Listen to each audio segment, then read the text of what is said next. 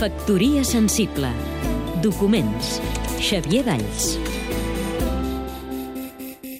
Quan Jaume Vallcorba em va demanar que em fes càrrec d'editar per a Quaderns Crema les memòries de Xavier Valls, eh, jo no coneixia el pintor. Julià de Joder, editor literari de les memòries de Xavier Valls. La meva capsa de Pandora. Però la transcripció de les cintes gravades per ell que vaig poder llegir em va posar davant els ulls una personalitat excepcional. Amb ell i la seva dona, Luisa, vam començar una relació telefònica i epistolar, vivien a París, que va permetre la publicació el 2003, en ocasió dels seus 80 anys, de la meva capsa de Pandora i l'inici d'una amistat que després de la mort del pintor, fa 5 anys, ha continuat amb la seva dona, el seu fill i la seva filla. A banda del seu art i de la seva família, Xavier cultivava generosament l'amistat que ell tenia com un valor imprescindible de la seva vida. El llibre esmentat hi va dedicar una secció de 40 pàgines a parlar dels amics, que comprenen noms capdals de la cultura europea del segle XX.